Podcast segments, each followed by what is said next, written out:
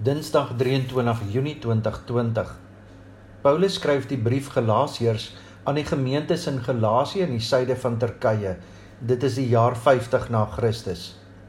Uit hierdie brief kom dit waarop ons kerk gebou is duidelik na vore. Christus alleen, geloof alleen, die Bybel alleen, uit genade alleen, aan God alleen die eer. In Galasiërs 1 sê Paulus, daar is geen ander evangelie nie.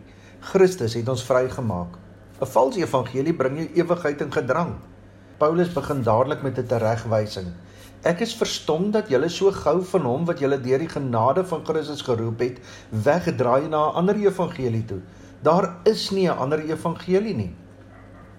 Wat die Galasiërs moet raak sien is dat die evangelie, die waarheid op die spel is. Al wat die valse evangelies doen, is dat dit die mense verwar en die evangelie van Christus verdraai. Daarom selfs as ons of 'n engel uit die hemel 'n evangelie aan julle verkondig in stryd met wat ons aan julle verkondig het, laat hom vervloek wees, sê Paulus. So iemand, iemand wat so evangelie verkondig, sê Paulus, speel met die evangelie, speel met mense se lewens, verwar en verduister die enigste ware evangelie. Galasiërs 2 14 jaar later het ek weer Jerusalem toe gegaan, hierdie keer ek en Barnabas en ek het vir Titus ook saamgeneem. God het dit aan my geopenbaar dat ek moet gaan.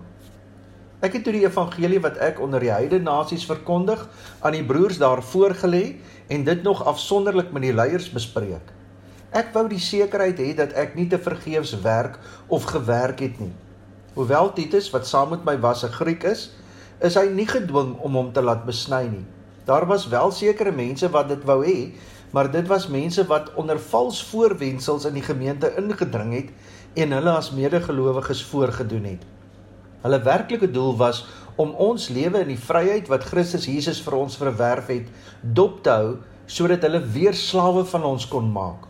Aan hulle eise het ons egter nie 'n enkele oomblik toegegee nie, sodat die waarheid van die evangelie vir julle gehandhaaf sou word. Die leiers van die gemeente wat hulle vroeër was, maak nie vir my saak nie. God kyk nie na 'n mens se uiterlike nie. Die leiers van die gemeente het aan die evangelie wat ek verkondig niks toegevoeg nie. Inteendeel, hulle het ingesien dat die taak aan my toevertrou is om die evangelie aan die nie-Jode te verkondig, net soos dit aan Petrus toevertrou is om die evangelie aan die Jode te verkondig. Dieselfde God wat vir Petrus 'n apostel vir die Jode gemaak het, het van my 'n apostel vir die nie-Jode gemaak. Toe hulle dan ingesien het dat God my hierdie voorreg gegee het, het Jakobus, Sefas en Johannes wat beskou is as die pilare van die gemeente, my en Barnabas die regterhand gegee as teken dat ons en hulle medewerkers is. Ons het ooreengekom dat hulle die evangelie aan die Jode sou verkondig en ons aan die nie-Jode. Al wat hulle gevra het, is dat ons nie die armes onder hulle moet vergeet nie. Ek het my dan ook steeds vir hierdie liefdesdiens beywer.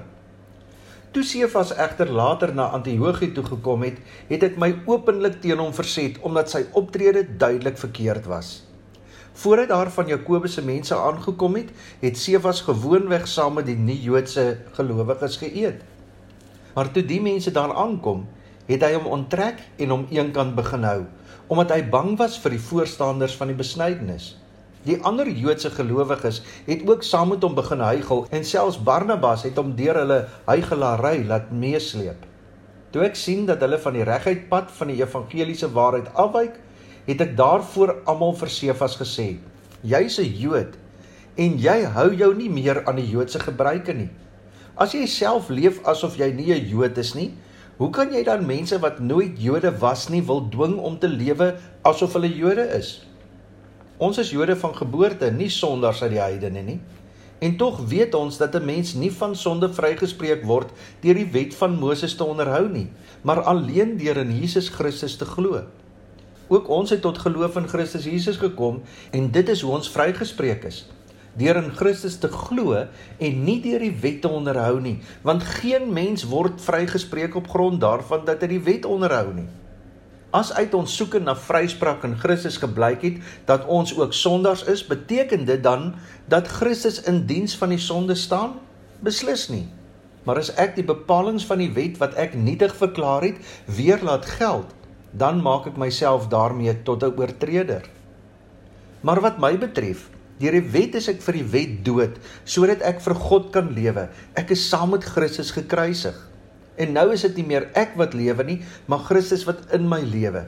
Die lewe wat ek nou nog hier lewe, leef ek in die geloof in die seun van God wat sy liefde vir my bewys het deur sy lewe vir my af te lê.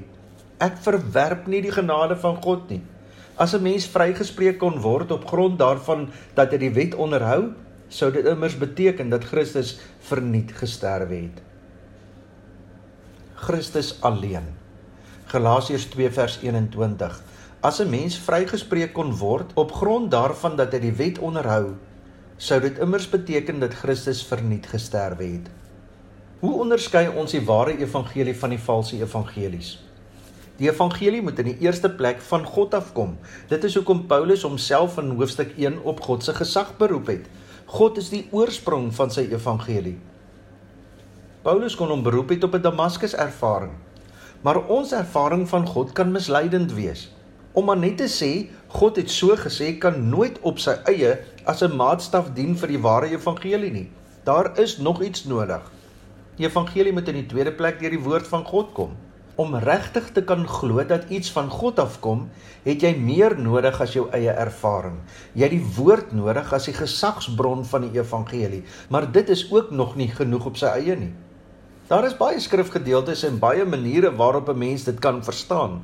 Die evangelie moet konsekwent in die skrif staan. Die skrif is immers 'n geheel. Die gedeeltes pas by mekaar. Die skrif lê ander skrifgedeeltes uit. Paulus haal altesaam 14 skrifgedeeltes aan deur die loop van Galasiërs wat die konsekwentheid van sy eie weergawe van die evangelie gaan onderstreep.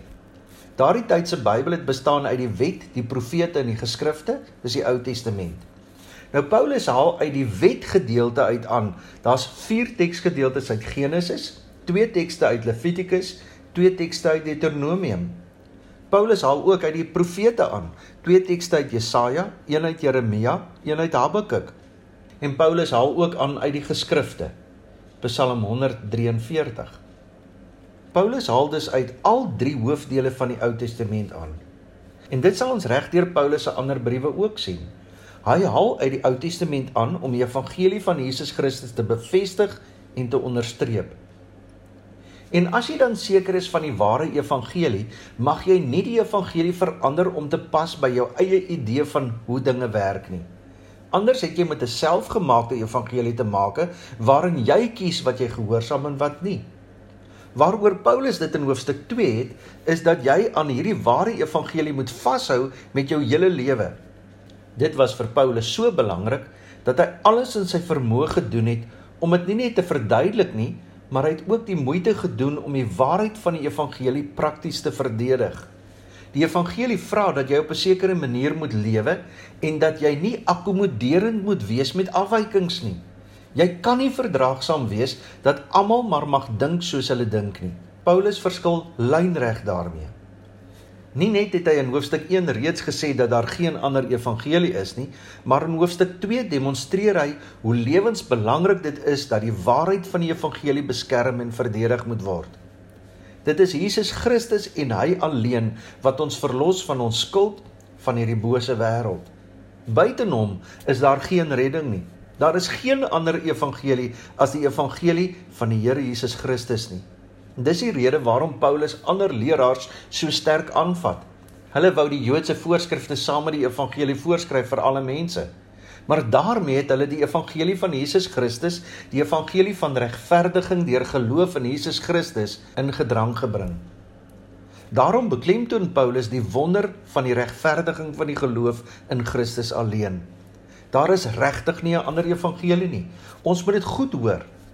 Ons moet onsself in lyn hiermee kry. Dit is Christus alleen en basta. Jy behoort aan die liggaam van Christus van wie jou geloof in Jesus Christus en dis die einde daarvan. Jy hoef nie nog dit of dat te doen om deel van die liggaam van Christus te word nie. As jy glo in Jesus, is jy welkom. Dink 'n bietjie hieroor na. As jy vandag glo in Jesus, is jy deel van sy liggaam. Daar is nie een of ander standaard waaraan jy nog moet voldoen nie. Daar is nie nog een of ander iets wat met jou moet gebeur of wat jy moet doen voordat dit vir jou waar word nie. Niks nie, Christus alleen. Om in te kom in die geloofsgemeenskap het net met die geloof in Jesus Christus te maak en hy verduidelik hierdie waarheid dat dit net geloof in Christus is wat jou red op drie maniere. In die eerste plek verduidelik Paulus die waarheid van Christus alleen deur die verwysing na Titus wat nie gedwing is om besny te word nie. Hulle die apostels het saamgestem dat die besnyding nie meer 'n voorwaarde was om deel van die geloofsgemeenskap te word nie. En Paulus verwys daarom na die praktiese voorbeeld van Titus. Hy was van nie-Joodse afkoms en is daarom ook nie besny nie in lyn met die evangelie en hulle almal se verstaan daarvan. Die leiers het ingestem dat die besnyding nie nodig was om gered te word nie.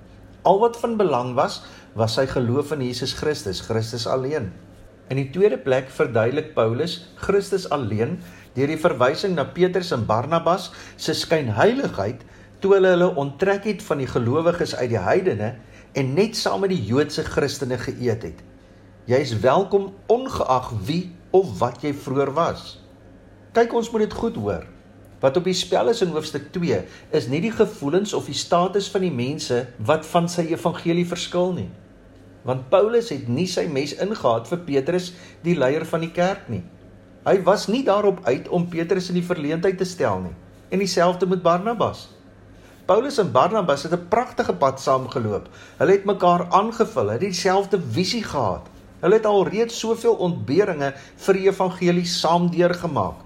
Hulle kon staat maak op mekaar. Maar Paulus kon nie anders nie.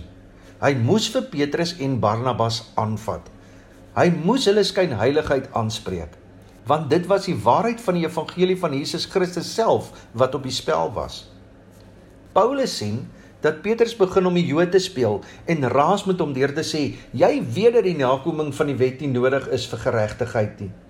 Jy weet dat ons geregverdig is deur die geloof in Christus. Jy weet dat ons allerlei soorte kos kan eet. Die Here self het dit dan vir jou gewys in 'n visioen." maar deur jou voorbeeld verplig jy nou die heidene om Christus te verlaat en terug te keer na die wettiese voorskrifte. Jy gee hulle rede om te dink dat geloof nie voldoende is tot redding nie en dit kan tog nooit nie.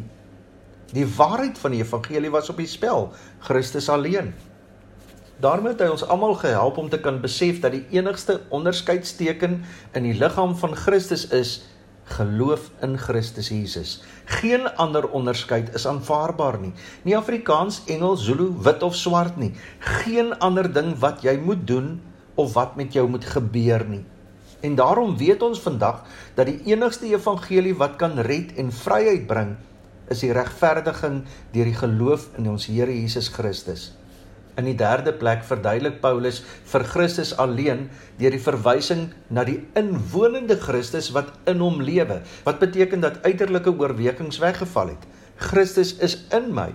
Die genade wat God vir ons gegee het, is dat ons saam met Christus gekruisig is sodat ons vir God kan lewe. Ek lewe nie meer nie, maar Christus leef in my, sê Paulus in vers 20.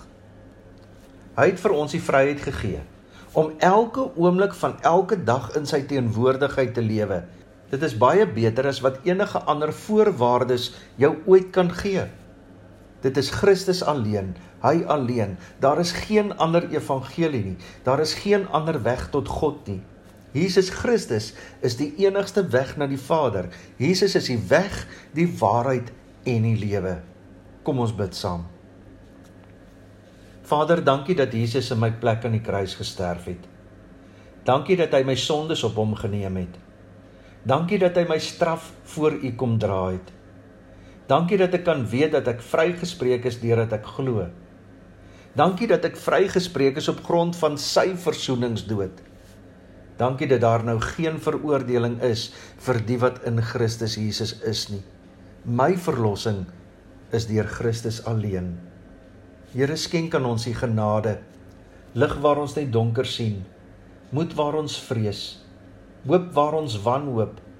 Vrede waar ons gemoedere storm. Vreugde waar ons hartseer is.